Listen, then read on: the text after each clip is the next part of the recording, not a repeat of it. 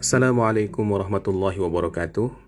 Alhamdulillahi wa kafa wassalatu wassalamu ala nabiyil mujtaba alladhi mab'uthu bil qur'ani huda wa shifa wa ala alihi wa ashabihi ahli sidqi wal wafa. Sahabat-sahabat yang dimuliakan Allah, kita bertemu kembali di Jejak Rasul episode yang ke-28. Sebelumnya sudah kita singgung tentang penderitaan Rasulullah SAW pada tahun ke-10 dari kenabian yang kita kenal juga dengan tahun kesedihan atau Amul Huzni. Di tahun ini wafatlah istri beliau tercinta uh, Sayyidah Khadijah radhiyallahu taala anha dan kemudian wafat pula Abu Talib. Maka Rasulullah pun kehilangan sahabat terbaiknya, kawan hidupnya, tempat berbaginya, tambatan hatinya, dan sekaligus kehilangan uh, orang yang menjamin keamanannya selama ini, yakni pamannya Abu Talib. Maka setelah itu bertubi-tubilah uh, siksaan dan berbagai tindakan yang tidak mengenakkan dari kaum Quraisy kepada Rasulullah SAW dan termasuk juga kepada para sahabat-sahabatnya. Ketika intensitas gangguan itu semakin meningkat, maka Rasulullah pun memutuskan untuk berpindah sementara waktu. Dan daerah yang dipilih oleh Rasulullah adalah Taif. Di daerah Hijaz, kota Taif ini adalah kota terbesar ketiga sesudah Makkah dan Yathrib. Nah, Rasulullah pernah ke kota ini dua kali. Yang pertama yakni yang akan kita ceritakan pada episode ini, yakni di bulan Syawal tahun ke-10 kenabian, dan yang kedua nantinya pada bulan Syawal lagi tahun ke-8 sesudah hijrah. Taif ini terletak di tenggara Makkah, jaraknya sekitar 75 mil.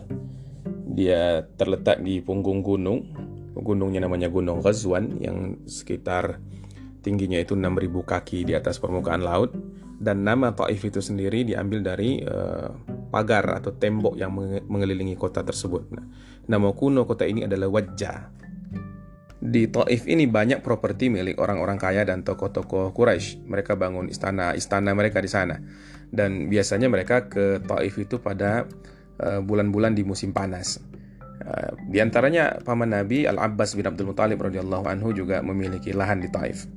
Nah, disampaikan oleh Al-Balazuri katanya bahwa kebanyakan kaum Quraisy itu memang berinvestasi harta di Taif hasil dari uh, perolehannya atau perdagangannya yang di Mekah. Jadi di Taif ini lahan investasi memang di sana. Sebagai tempat investasi dan pelesir, maka pastilah kekayaan melimpah di kota Taif dan kekayaan yang melimpah itu dekat dengan kerusakan moral.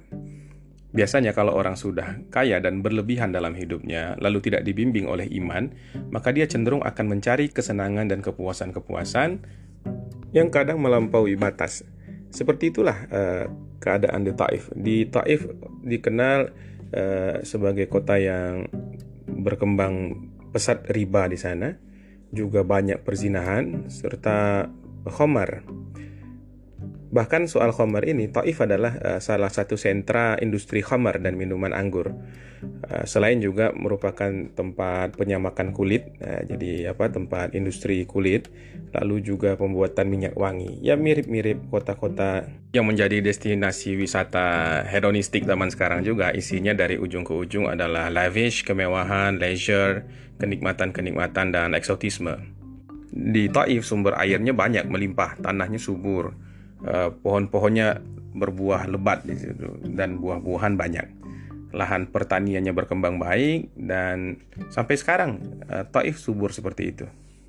Dan Taif sebagai tempat liburan musim panas bagi para pelancong itu memang terkenal dari dulu sampai eh, masa-masa perkembangan Islam juga masih begitu dan seterusnya memang ini tempat adalah tempat wisata musim panas dikarenakan iklimnya lebih baik daripada Eh, lebih sejuk begitu daripada Mekah.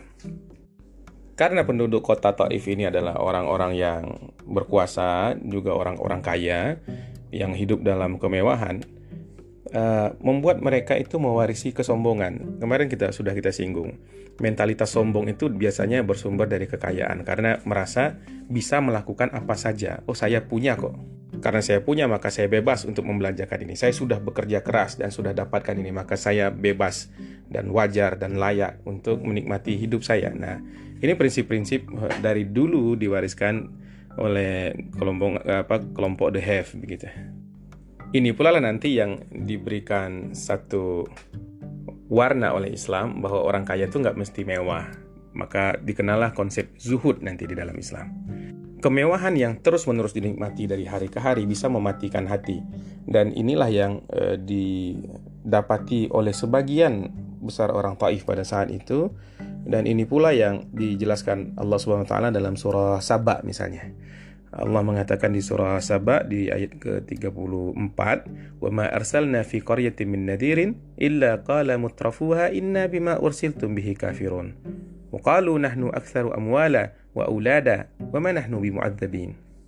Dan kami tidak mengutus kepada satu negeri seorang rasul pun melainkan mereka itu akan dibantah oleh orang-orang yang uh, hidup mewah di dalam. Orang-orang yang hidup mewah ini dibahasakan sebagai mutraf orang yang berlebih-lebihan dalam hidupnya yang memang kekayaannya itu melebihi apa yang dibutuhkan.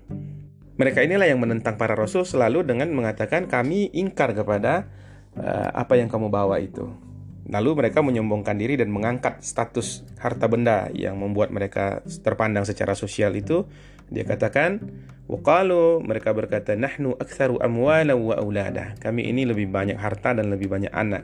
Wa nahnu bimu'adzabin. Tidak akan pernah kami ini mendapatkan azab. Nah, di Taif yang memegang tampuk kepemimpinannya orang-orang Bani Sakif. Bani Sakif ini adalah salah satu suku yang terbesar di Jazirah Arab. Mereka terkenal karena kekuatannya dan kekayaannya. Orang Sakif ini termasuk golongan Arab uh, Musta'ribah, Arab Adenani. Nah, orang Sakif punya uh, rivalitas persaingan yang demikian ketat dengan orang Quraisy, baik dalam bidang spiritual maupun bidang sosial politik. Kalau di Makkah ada Hubal, maka mereka punya Lata, dan Lata itu dianggap uh, sebagai pesaing Hubal Bahkan kuilnya Lata itu dianggap sebagai saingannya Ka'bah meskipun ya orang-orang Arab tentu tahunya Ka'bah, tapi mereka juga memagari patung Lata itu. Mereka uh, semacam mengalami overconfidence atau overestimate terhadap Lata ini. Maka mereka pagari patung Lata itu dengan atribut dan pengkultusan yang hampir-hampir uh, setara dengan Ka'bah begitu. Jadi ini adalah semulia Ka'bah juga dalam pandangan Bani Sakif, tapi dalam pandangan orang Arab ya tentu beda. Bahkan seperti pada episode-episode awal dulu kita kisahkan, mereka memperlakukan juga uh, wilayah larangan atau wilayah haram pada daerah sekitaran uh, kuil Latta ini. Saking mereka protektifnya terhadap negerinya dan merasa itu adalah negeri suci, Dahulu ketika Abraha mengerahkan tentaranya untuk menyerang Makkah, itu kan lewat di Taif. Nah, pada saat itu Bani Sakif melindungi patung pujaan mereka itu dengan cara yang uh, khusus lah. Mereka mengirimkan ke Abraha orang yang namanya Abu Rogal. Abu Rogal ini uh, seorang penunjuk jalan begitu, yang khusus berpesan kepada Abraha bahwa ini bukan Makkah dan ini tidak ada Ka'bah yang engkau maksud di sini tapi tempatnya itu akan kami tunjukkan kepadamu. Jadi mereka demi menyelamatkan kuil Lata kalau-kalau nanti Abraha bisa salah serang begitu, mereka rela untuk apa menjadi kolaborator bagi penghancuran itu dengan cara mengirimkan penunjuk jalan. Makanya orang-orang Arab itu benci kepada Bani Sakif dalam hal ini. Sehingga ketika Abu Rogal itu mati nantinya, kuburannya itu dirajam oleh orang-orang dilempari dengan batu. Pemimpin Bani Sakif ini namanya Urwah bin Mas'ud. Uh, dia ini yang oleh sebagian mufassirin dianggap sebagai orang yang disebutkan dalam firman Allah Subhanahu wa taala di surah Az-Zukhruf ayat ke-31 وقالوا لولا نزل هذا القرآن على رجل من القريتين عظيم dan kenapa pula Al-Quran ini tidak diturunkan kepada seorang besar dari salah satu dari dua negeri. Nah ini pandangan orang-orang yang merasa kok aneh kenapa Nabi Muhammad SAW yang diutus sebagai Nabi. Kenapa tidak orang yang dalam pandangan mereka itu lebih pantas karena lebih hebatlah dia di depan masyarakat. Kalau di di salah satu dari dua negeri kan disebutkan minal qaryatain Dua negeri itu maksudnya adalah Makkah dan Taif. Di Makkah yang diklaim sebagai orang hebatnya itu ya Walid bin Mughirah yang sudah kita ceritakan tempo hari. Kalau di uh, Taif orangnya itu adalah sebagian mufassirin ber ber berpendapat Urwah bin Mas'ud, tapi ada juga yang mengatakan bahwa dia adalah uh, Amr bin Umayyah. Allah Subhanahu wa taala alam. Di antara tokoh-tokoh di Bani Sakif ini ada yang namanya Al-Haris bin Kaladah. Dia ini adalah orang Arab yang uh, suka belajar lalu dia melakukan uh, rihlah ilmiah gitu, belajar ke daerah Persia dan di sana dia mendalami ilmu kedokteran. Dan lantas dia pulang menjadi tabib terkenal di kalangan orang Arab. Anaknya juga uh, yang namanya An-Nadar itu tabib yang handal. An-Nadar ini Eh, punya hubungan kekerabatan dengan Rasulullah SAW bahwa dia adalah anak bibi Nabi. Dia sudah berkelana ke berbagai negeri. An-Nadar uh, bin Haris ini dia bergaul dengan macam-macam orang ya, pendeta dia tem jadikan teman, dukun-dukun juga dia kenal. Maka dia ini uh, dikenal sebagai orang punya wawasan luas. Dia tahu filsafat, dia punya banyak hikmah dan yang jelas dia juga mewarisi ilmu kedokteran dari ayahnya dan An-Nadar ini adalah orang yang uh, banyak hasad kepada Rasulullah SAW. Di antara yang terkenal juga di Taif itu namanya Umayyah bin As-Salti. Dia termasuk penyair dua zaman lah. Dia adalah penyair terkenal di masa jahiliyah dan juga penyair di zaman Islam. Dia banyak tahu kitab-kitab terdahulu. Dia ini melek aksara dan dia menguasai Taurat. Nah, awalnya dia ini penganut agama Hanif yang dia cukup dikenal lah. Tapi ketika Nabi Muhammad SAW diutus, dia malah nggak terima begitu. Dia mengingkari Rasulullah SAW karena ya itu tadi hasad. Padahal sebagai penyair karya-karyanya itu bagus, banyak bicara tentang ketauhidan dan banyak bicara tentang kebijaksanaan. Dia banyak menyanjung-nyanjung uh, Tuhan yang esa, Allah Subhanahu wa taala. Maka Rasulullah mengatakan uh, syairnya beriman tapi hatinya itu kufur. Jadi hadis ini diriwayatkan oleh Imam Bukhari juga Imam Muslim dan At-Tirmidzi. Jadi kata Rasulullah, Umayyah bin bin Abu Salti ini hampir saja jadi muslim. Nah, tapi karena itulah ada satu hal di dalam hatinya yang, yang berpenyakit namanya adalah hasad kepada Rasulullah Shallallahu alaihi wasallam. Jadi kita di dunia ini sebenarnya uh, diberikan derajat-derajat dan kelas-kelas oleh Allah Subhanahu wa taala. Ada tangga-tangganya. Yang penting bagi kita adalah mengetahui di mana posisi kita. Kita harus tahu diri dan mengetahui posisi orang lain. Mengakui, mengetahui itu lalu bertindak sebagaimana posisi kita dan bertindak kepada orang lain berbasis posisi orang lain itu itu namanya adab.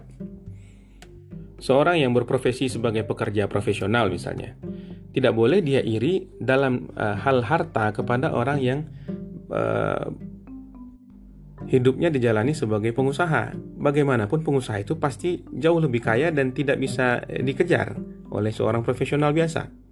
Seorang prajurit pada level tamtama misalnya, dia harus bersyukur pada keadaannya dan tidak boleh dia beriri hati kepada seorang jenderal karena tidak mungkin dia dapatkan posisi itu walaupun dia iri hati. Tapi kalau dia perbaiki dirinya, dia perbaiki jiwanya, dia akan bisa menjalani tugasnya dan pengorbanannya bisa jauh lebih hebat daripada seorang jenderal dan posisinya di mata Allah Subhanahu wa taala jauh bisa juga berpotensi jadi lebih mulia daripada eh, jenderal berbintang 5 sekalipun. Nah, kalau kita ingin menjadi orang mulia, lantas ingin bersaing dengan seorang yang ditunjuk oleh Allah sebagai nabi, nah ini tidak mungkin. Nah, inilah yang ada pada diri uh, Umayyah bin As-Salti. Kepada orang mulia hendaklah kita akui kemuliaannya kita tempatkan ia pada tempatnya dan kalau kita merasa bahwa memang kita itu ada di bawahnya kita bersyukur kepada Allah Subhanahu wa taala masih bisa mengenal orang semulia itu. Dan masih bisa mendampinginya kalau bisa menjadi muridnya atau apa pun lah. Seperti yang dilakukan oleh Abu Bakar As-Siddiq radhiyallahu taala anhu.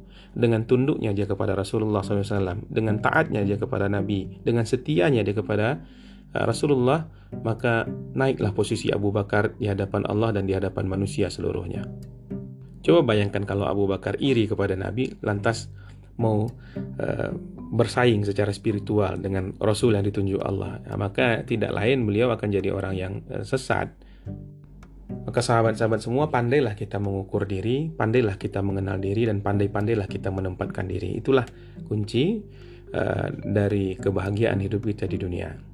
Nah, jadi bisa kita lihat kepergian Rasulullah ke Taif itu bisa jadi karena Taif adalah pusat kekuatan dan kepemimpinan Hijaz yang lain lagi setelah Makkah atau bisa juga karena hubungan kekerabatan beliau dengan orang-orang dari Bani Sakif karena mereka ada ada paman-paman Nabi di sana Jadi Nabi itu mencari pertolongan kepada orang yang masih ada jalur kekerabatan lah.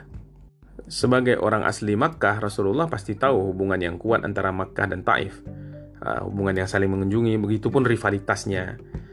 Beliau juga tahu bahwa uh, berita tentang penolakan orang-orang Quraisy terhadap dirinya sudah sampai pula ke Taif. Itu semua sebenarnya beban psikologis. Tapi karena dorongan kuat untuk menyampaikan risalah dan dakwah untuk menyelamatkan agama ini, maka Nabi tetap menempuh jalan ke sana. Nabi bertawakal kepada Allah Subhanahu wa taala lalu uh, percaya juga dan berharap pada fitrah manusia yang bersih. Bagaimanapun orang pasti ada potensi baik dalam dirinya. Nah, itulah dalam pikiran Rasulullah sallallahu alaihi wasallam. Perjalanan Rasulullah ke Taif ini uh, seperti kita sampaikan tadi ada di bulan Syawal tahun ke-10 kenabian. Nabi uh, ke Taif ditemani Zaid bin Harithah radhiyallahu taala.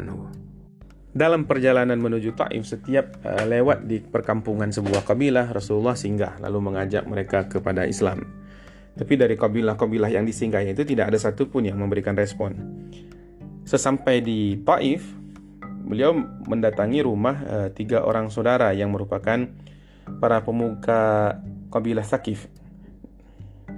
Mereka ini namanya Abdul Yalail, Mas'ud, dan Habib, anak dari tokoh besar Taif namanya Amr bin Umair As-Saqafi. Jadi Amr bin Umair As-Saqafi yang tadi uh, dikatakan ada para penafsir Quran yang juga mengatakan bahwa dialah yang dimaksud sebagai uh, rajulin minal qaryataini azim itu. Kepada tiga orang bersaudara yang merupakan tokoh masyarakat ini, Rasulullah datang lalu uh, mengajak mereka kepada Allah Ta'ala dan meminta bantuan mereka untuk membela Islam ini. Tapi yang didapati malah olokan-olokan. Seorang di antara mereka berkata, kalau memang kamu utusan Allah, akan dia robek-robek tuh bajunya Ka'bah atau kiswah itu. Kata yang lain lagi, memangnya nggak ada orang lain apa sampai Allah memilih kamu. Dan yang satunya lebih keras lagi dia katakan wallahi Sekali-sekali aku tidak akan bicara dengan kamu. Kalau kamu memang rasul, tentu beresiko ini saya bergaul dengan kamu. Banyak bahayanya. Tapi kalau kamu pendusta, maka saya juga nggak pantas bicara dengan kamu. Jadi nggak nggak ada hubungan kita ini tidak bisa kita follow up begitu. Karena mengalami penolakan, Rasulullah katakan ya tidak apa-apa kalau kalian tidak terima, tapi uh, tolong rahasiakanlah tentang saya ini. Rasulullah uh, tinggal di Taif sekitar 10 hari. Selama 10 hari itu beliau memanfaatkan tiap kesempatan untuk bertemu dan berbicara pada masing-masing pemuka uh, masyarakat. Tapi jawabannya cuma satu, menolak dan bahkan mengusir. Anak-anak orang-orang yang idiot begitu disuruh melempari Nabi dengan batu. Tatkala Rasulullah memang ingin keluar dari kota Taif, maka uh, dimobilisirlah oleh mereka orang-orang bodoh, budak-budak dan anak-anak itu untuk melempari Nabi sambil mencaci maki beliau dan mengucapkan kata-kata yang tidak pantas. Batu itu dilemparkan ke arah Nabi sampai uh, urat di atas tumit beliau juga terkena sehingga uh, sendal Nabi itu bersimbah darah. Zaid bin Harithah pada saat itu menjadikan dirinya sebagai tameng untuk melindungi tubuh Rasulullah SAW dan akibatnya luk, kepalanya itu luka-luka. Jadi permusuhannya dan e, perlakuannya bahkan lebih buruk daripada apa yang didapati Nabi di Makkah sendiri. Sampailah Nabi ke sebuah tembok, sebuah benteng begitu mirip dua orang bersaudara namanya Utsbah dan Syaibah. Mereka ini putra uh, Rabi'ah. Itu sudah menempuh jalan sekitar 3 mil keluar kota Taif. Jadi sepanjang itu Rasulullah dilempari terus bersama Zaid. Ketika Rasulullah berlindung di balik tembok itu barulah orang-orang tadi yang melempar itu pergi. Jadi diiringi tiga mil dengan lemparan-lemparan dan ejekan dan cemoohan itu bukanlah sesuatu yang ringan. Di kebun itu Rasulullah kemudian mengikatkan untanya ke pohon kurma lalu duduk di di bawah sebuah pohon anggur berteduh. Uh, setelah agak tenang maka Rasulullah berdoa dan doanya ini adalah doa yang amat masyhur, doa yang sangat getir. Rasul mengatakan Allahumma ilaika ashku dha'fa quwwati. Ya Allah sesungguhnya kepadamu lah aku mengadukan kelemahan diriku ini. Sedikitnya upayaku. hina dinanya di diriku di hadapan manusia. Lalu Nabi melanjutkan, Ya Arhamar Rahimin, Anta Rabbul Mustan'afin, Wahai engkau yang maha pengasih di antara yang paling penyayang, engkau adalah Robnya orang-orang yang lemah. Wa anta Rabbi ila man takiluni, dan engkau adalah Tuhanku pula. Siapa lagi, kepada siapa lagi engkau akan menyerahkan diriku? Apakah kepada orang yang jauh tapi bermuka masam kepadaku? Atau kepada musuh yang sudah menguasai semua urusanku? In lam yakun bika alayya ghadabi fala ubali. Semua itu enggak masalah ya Allah. Aku tidak akan peduli semua itu asal engkau tidak murka saja kepadaku. Nah inilah doa Rasulullah SAW. Yang diharapkannya adanya hanyalah ridha Allah Subhanahu wa taala. Apa pun urusannya terserah Allah Subhanahu wa taala. Asal Allah tidak marah, maka Nabi sudah senang. Kata Nabi lagi, akan tetapi ya Allah, kekuatan yang engkau anugerahkan adalah lebih luas bagiku. Aku berlindung dengan perantaraan nur wajahmu. A'udzu binuri wajhik. Aku berlindung dengan nur wajahmu yang menyinari kegelapan. Yang karenanya urusan dunia dan akhirat menjadi baik. Dan agar engkau tidak turunkan murkamu padaku. Agar jangan sampai engkau benci pula padaku. Agar tiada kebencianmu melanda diriku Sesungguhnya engkau lah yang berhak menegurku hingga engkau ridha. Lakal utbah hatta. Wala hawla wala quwwata illa bik. Dan tidak ada daya serta upaya melainkan karena engkau. Nah, ini adalah sebuah uh, perlambang kepasrahan Rasulullah kepada Allah Subhanahu wa taala dan dari doa ini kita belajar bagaimana bagaimana tawakalnya Nabi. Dia wakilkan urusan seluruhnya kepada Allah, dia serahkan urusan kepada Allah. Bagaimana lurusnya dan ikhlasnya Rasulullah SAW orientasinya hanyalah keridhaan Allah Subhanahu wa taala. Betapa siapnya mentalnya untuk menanggung segala beban sekalipun sedih dan uh, perih. Dia katakan asal Allah tidak marah, maka aku rida. Dan betapa tingginya tauhid Nabi karena dia berlindung hanya kepada nur cahaya dari wajah Allah Subhanahu wa taala. Nah melihat kejadian itu haru pula hati kedua putra Rabi'ah yang menyaksikannya. Mereka panggil hambanya. Uh, nama hamba saya itu Adas. Hey Adas, uh, ambillah anggur setangkai, berikan kepada orang itu. Kasihan kita. Adas ini orang Nasrani. Lalu Adas pun uh, memenuhi perintah tuannya itu, dia ambil setangkai anggur, dia berikan ke kedua tangan Rasulullah SAW. Nabi menerima dan kemudian membaca basmalah, Bismillah, lalu makan. Uh, Adas mendengar itu, maka sensitivitasnya sebagai seorang ahlul kitab itu muncul. Ya curious begitu. Kata Adas, e, Anda bilang Bismillah ya tadi.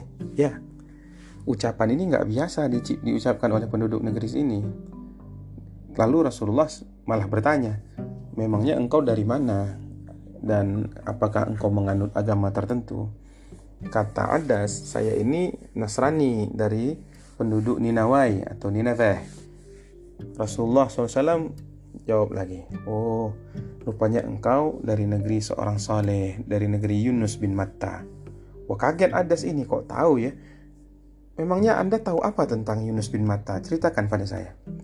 Kata Nabi, Yunus itu saudaraku. Dia adalah nabi yang terdahulu. Demikian pula saya. Saya ini adalah seorang nabi yang diutus oleh Allah Subhanahu taala. Maka pada saat itu Adas pun bergetar lalu dia rengkuh kepala Nabi, dia cium, dia cium tangan Nabi, lalu kedua kaki Nabi pun diciuminya. Maka dua saudara tadi anak Rabi'ah tadi bertatap-tatapan melihat kejadian itu. Eh itu pembantu kita sudah dibikin aneh itu. Kenapa jadi menentang kita? Lalu Adas berbalik kan, pergi menemui majikannya, lalu dia katakan, "Ada apa kamu Adas?" "Wahai tuan, uh, orang yang tadi itu di muka bumi kita ini tidak ada yang lebih baik dari dia. Dia sudah memberikan kepada saya satu kabar yang kabar itu tidak akan diketahui orang kecuali orang itu pasti nabi. Maka dua orang putra Rabi'ah ini uh, marah kepada Adas, tapi Adas ya saat itu sudah masuk Islam. Adas beriman kepada Rasulullah SAW. Setelah cukup istirahat, Nabi keluar dari benteng itu, dari balik tembok itu, diiringi oleh Zaid. Rasulullah uh, ingin pulang menuju Makkah. badan nyeri, hati sedih, perasaan getir. Tapi satu di satu tempat yang namanya Kornul Manazil, Allah utus Jibril kepada Nabi. Jibril waktu itu tidak sendiri, dia bawa satu malaikat lagi yang sangat besar, rupanya malaikat itu penjaga gunung. Kata malaikat itu, wahai Nabi, sekarang terserah engkau. Kalau engkau ingin aku ratakan mereka dengan akasyabain, dengan dengan gunung itu, aku balikkan gunung itu, aku timpakan kepada mereka, maka aku lakukan sekarang juga. Nah, sahabat sekalian, kalau kita tuh dalam posisi seperti itu, ya pasti ini satu apa ya revenge yang setimpal itu kalau sudah demikian kurang ajarnya kepada orang yang membawa ajaran yang benar, orang yang akan menyelamatkan kehidupannya, ya pantas saja sih ditimpa gunung. Tapi Nabi adalah seorang yang pemaaf. Apa kata Nabi? Jangan. Bahkan aku harapkan nanti Allah akan munculkan dari tulang sulbi mereka itu orang-orang yang menyembah Allah Azza wa Jalla. Dan mereka tidak akan menyekutukan Allah dengan suatu apa pun. Nah, riwayat ini dikeluarkan oleh Imam Bukhari dan juga Imam Muslim. Masyur sekali riwayat ini. Dan doa Nabi ini uh, makbul ya. Nantinya ketika ada gelombang uh, murtad, gelombang riddah pasca wafatnya Rasulullah SAW, yang tidak ikut-ikutan murtad itu hanya orang Quraisy dan Bani Sakif. Kata Ibnu Katsir, Bani Sakif di Taif tetap kokoh dalam agama Islam, mereka tidak pernah lari, mereka tidak menyimpang dan tidak murtad. Inilah barokah doa dan kemaafan dari seorang nabi besar, Muhammad sallallahu alaihi wasallam. Perjalanan berlanjut sampailah Rasulullah di lembah Nakhlah. Di situ ada tempat yang bisa dipakai istirahat. Di Sail dan di Azumah. Di situ ada sumber air dan subur. Uh, entah di mana di salah satu tempat itu Rasulullah tepatnya uh, mendiami pada masa itu, tapi itu tidak terlalu penting bagi kita. Yang jelas pada saat itu Allah mengirimkan uh, suatu takdir dan pengalaman lain lagi bagi Rasulullah SAW. Di larut malam itu, beliau mendirikan sholat di Nakhlah, lalu lewatlah sekelompok jin diriwayatkan itu ada tujuh jin dari Nasibin. Mereka tertarik dengan bacaan yang diucapkan Nabi dalam sholat, yang dibacaan Quran. Nabi sebenarnya tahu bahwa beliau itu diutus ke dunia ini untuk semua makhluk Allah Subhanahu wa taala dan uh, seperti yang sudah kita baca dalam Al-Qur'an, wa ma arsalnaka illa rahmatan lil alamin dan tiadalah kami mengutus engkau melainkan untuk menjadi rahmat bagi sekalian alam. Peristiwa ini diabadikan dalam surah Jin ketika Allah firmankan Kul uhiya ilayya anna, anna istama'a nafaru minal jinni faqalu inna sami'na qur'anan ajiba yahdi ila rushdi fa'amanna bihi wa lan rabbina ahada uh, Katakanlah wahai Nabi telah diberitahukan diwahyukan padaku bahwanya sekumpulan jin datang mendengarkan Quran. Lalu mereka berkata, sungguh kami telah mendengarkan Quran yang menakjubkan. Quran yang memberi petunjuk kepada jalan yang benar lalu kami mengimani Quran itu dan sekali-kali kami tidak akan menyekutukan apa pun dengan Rabb kami. Kisah tentang jin ini juga bisa kita dapati di surah Al-Ahqaf eh, ayat ke-29 sampai 31. Ini sebenarnya uh, semacam kabar gembira dan bentuk hiburan tersendiri bagi Rasulullah SAW. Memang orang-orang Taif yang dimaksudkan menjadi objek dakwah itu tidak dapat, tapi yang lainnya justru tanpa disangka-sangka masuk Islam. Misalnya tadi kasusnya Adas. Rasulullah bahkan bertemu dengan orang dari negeri Ninawa dan ini satu pertemuan yang langka sekali lalu masuk Islam masuk Islam lah ahli kitab itu kemudian memang yang berbentuk fisik yang namanya manusia itu membangkang di sana tapi jin masuk Islam jadi penerimaan di alam gaib ini adalah sesuatu juga. Maka hati Rasulullah e, menjadi makin tenang. Lalu beliau membulatkan tekad untuk kembali sajalah ke Makkah. Uh, hadapi saja semua yang terjadi. Tawarkan kembali Islam kepada orang-orang yang memang sudah menolak itu, yakin saja bahwa ini adalah risalah Allah. Bagaimanapun dia tetap harus disampaikan. Pada masa itu Zaid berkata kepada Nabi, "Ya Rasulullah, bagaimana mungkin kita kembali lagi ke Mekah? Kita ini kan sudah terusir." Kata Nabi, "Wahai Zaid, nanti Allah akan jadikan kemudahan bagi kita. Allah akan berikan jalan keluar bagi kita. Allah akan menolong agamanya ini dan pasti Allah akan memenangkan nabinya. Engkau tenang saja wahai Zaid. Nah, lalu beliau berdua ini langsung terus berjalan. Sesampainya uh, di Hira, tempat beliau dulu bertahanus, beliau berdiam dulu di sana. Tidak langsung masuk ke Makkah. Lalu diutus seorang dari suku Khuza'ah agar datang kepada Akhnas bin Shuraik. Rasulullah ingin minta perlindungan supaya tidak diganggu ketika masuk Makkah. Tapi Akhnas tidak bisa memenuhi itu. Uh, kemudian beliau utus lagi uh, orang kepada Suhail bin Amr. Mendapat penolakan juga kata Suhail, Bani Amir tidak memberikan suaka kepada Bani Ka'ab. Lalu kemudian yang ketiga kalinya utusan tersebut dikirim Nabi kepada Mut'im bin Adi. Lalu Mut'im bin Adi pun menerima ya. Oke. Lalu dia pakai senjatanya, dia ajak anak-anaknya, dia ajak saudara-saudaranya, kaumnya pakai senjata dan jadilah kalian pondasi Baitullah karena sesungguhnya aku sudah memberikan perlindungan kepada Muhammad. Dikirimlah orang oleh Mut'im bin Adi uh, untuk menemui Nabi lalu diajak ya, ya Muhammad ayo kita bertemu dengan Mut'im bin Adi. Maka Rasulullah bersama Zaid pun masuk ke kota Makkah sampailah ke Masjidil Haram. Di sana Mut'im bin Adi sudah ada di atas uh, ontanya lalu lengkap dengan memakai senjatanya dia berseru di situ wahai kaum Quraisy aku sudah berikan perlindungan kepada Muhammad maka jangan ada yang berani di antara kalian ini untuk mengganggunya. Maka kemudian Rasulullah pun uh, digiring masuk sampai ke rukun Yamani di pojok Ka'bah. Lalu beliau menyalami Rasulullah lalu Rasulullah pun tawaf sholat dua rakaat lalu pulang. Mut'im bin Adi dan anak-anaknya tadi masih siap siaga di situ dengan senjatanya hingga Rasulullah betul-betul masuk ke pintu rumahnya. Ada juga riwayat yang mengatakan pada waktu itu Abu Jahal uh, bertanya, menginterupsi begitu. Wahai Mut'im, engkau ini pemberi perlindungan atau engkau pengikut Muhammad? Engkau ini sekedar memberikan jaminan apakah engkau seorang muslim juga? Kata Mut'im bin Adi, saya bukan pengikut Muhammad, saya ini seorang pemberi jaminan. Maka kata Abu Jahal, ah, kalau begitu oke okay lah. Kami akan memberikan suaka, kami tidak akan apa eh, mengganggunya dan kami menghargai perlindunganmu ini. Perlindungan Mut'im bin Adi ini uh, sangat dihargai dan dan disyukuri oleh Rasulullah SAW. Rasulullah merasa terhutang budi kepada Mut'im ini Nantinya dikala berada di tengah-tengah tawanan perang Badar, Rasul bergumam, "Kalaulah Mut'im masih hidup, kemudian dia yang minta kepadaku untuk menebus orang-orang ini, maka aku akan serahkan semua ini kepadanya." Demikianlah Rasulullah SAW selalu mengingat kebaikan dari siapa pun dan sekecil apa pun juga. Sabda Rasulullah, "Man lam yashkurin nas, lam yashkurillah." Barang siapa yang tidak mampu berterima kasih atas kebaikan orang lain, tidak mampu mengapresiasi dan menghargainya, orang itu sebenarnya bukanlah orang yang mampu bersyukur kepada Allah Subhanahu wa taala.